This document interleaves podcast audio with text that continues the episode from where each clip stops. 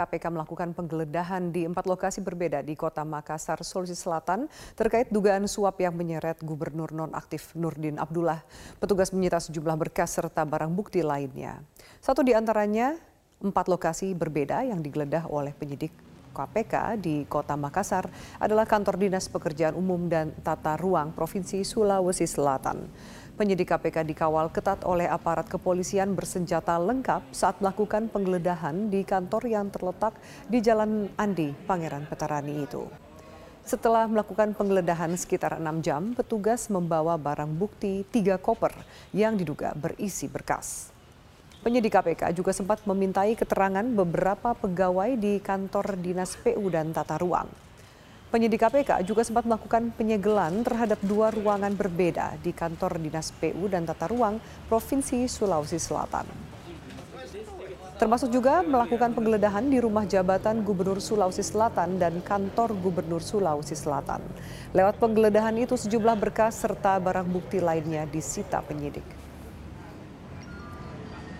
Hari ini melakukan upaya paksa penggeledahan Eh, di dua lokasi yang berbeda. Yang pertama adalah kantor dinas PUTR Provinsi Sulawesi Selatan.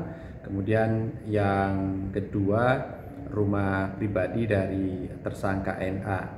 Sebelumnya hari Senin eh, tanggal 1 Maret 2021 tim penyidik KPK juga telah selesai melakukan penggeledahan di antaranya adalah rumah jabatan Gubernur Sulawesi Selatan dan yang kedua adalah di rumah dinas sekretaris dinas PUTR Provinsi uh, Sulawesi Selatan.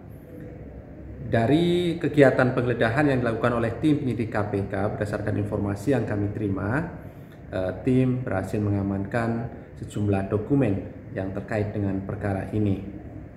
Di samping itu juga ditemukan dan diamankan sejumlah uang tunai dalam bentuk rupiah yang saat ini uh, masih akan dilakukan uh, perhitungan kembali oleh tim penyidik KPK. Berikutnya, dari seluruh dokumen dan uang tunai dalam bentuk rupiah yang ditemukan dan diamankan dalam proses kegiatan penggeledahan dimaksud akan dilakukan analisa dan verifikasi oleh tim penyidik KPK dan selanjutnya segera akan dilakukan penyitaan sebagai barang bukti di dalam berkas perkara atas nama tersangka NA dan kawan-kawan. Seorang prajurit TNI yang bergabung yang tergabung dalam Satuan Tugas Gabungan Madagoraya gugur dalam kontak tembak dengan kelompok teroris Poso pada Senin kemarin. Satu orang anggota aparat gabungan yang berasal dari Kesatuan Prajurit TNI gugur dalam kontak senjata dengan kelompok teroris Mujahidin Indonesia Timur atau MIT di Poso, Sulawesi Tengah. Prajurit yang gugur bernama Praka Dedi Irawan berasal dari Pekanbaru, Provinsi Riau.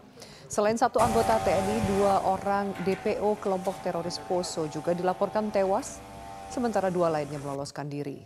Kapolda Sulawesi Tengah Irjen Pol Abdurrahman Baso mengatakan jenazah Praka Dedi Irawan telah diterbangkan ke Jakarta untuk diserahkan kepada keluarga. Sementara dua DPO yang tewas tersebut yakni Samir alias Alvin, warga Provinsi Banten, dan Irul, warga Kabupaten Poso yang merupakan anak mantan pemimpin kelompok teroris Poso Santoso. Sementara aparat gabungan masih memburu dua orang yang lolos dalam baku tembak, termasuk diduga pemimpin kelompok teroris Poso, Ali Kalora.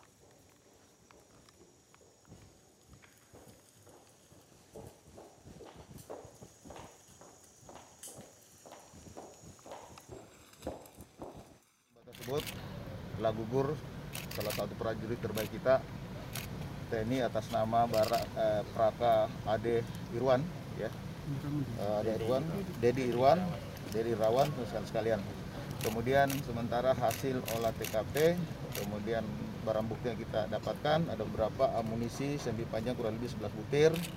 Kemudian ransel, golok, senter dan DPS, kemudian jantan dan baterai itu yang hasil eh, sementara kita eh, hasil daripada penindakan ini. Kemudian kelanjutannya kami masih lakukan pengejaran karena pada saat kota tembak informasi teman-teman di lapangan ada terdapat empat orang ya dan dua orang lolos. Dan itu sementara kita masih melakukan pengejaran Pemirsa tim Densus 88 anti teror Polri dan Polda Jatim kembali menangkap terduga teroris di Surabaya dan Bojonegoro, Jawa Timur. Kabit Humas Polda Jatim Kombes Pol Gatot Repli Handoko menyebut total terduga teroris yang ditangkap di wilayah Jawa Timur menjadi 20 orang.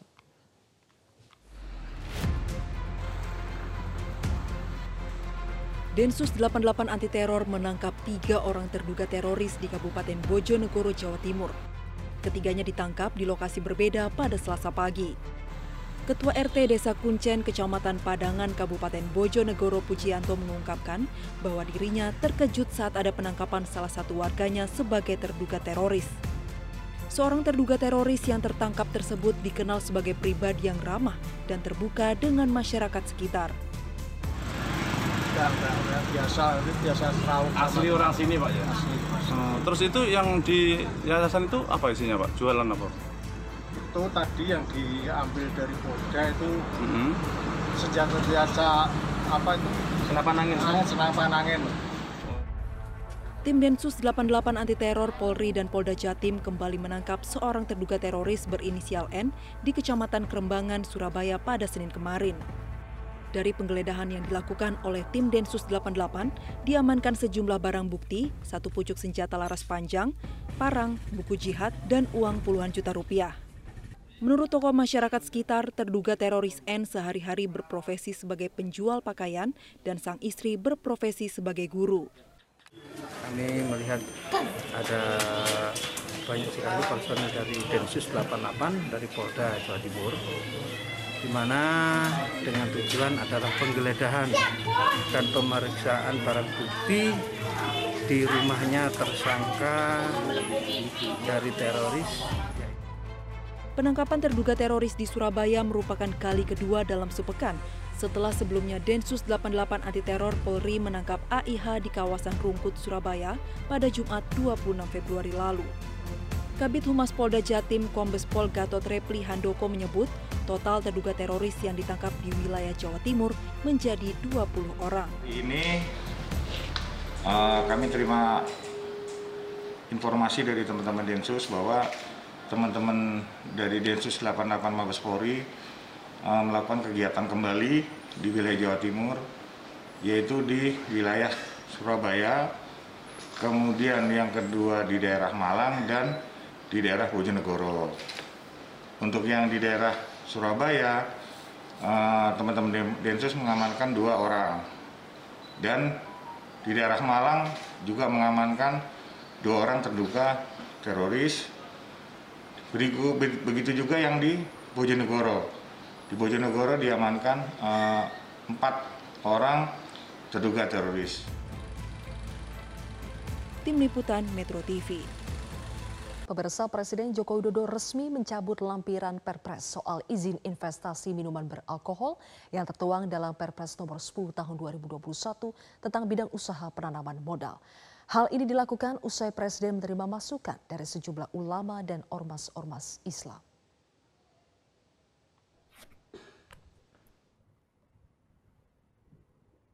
Assalamualaikum warahmatullahi wabarakatuh. Salam sejahtera bagi kita semuanya.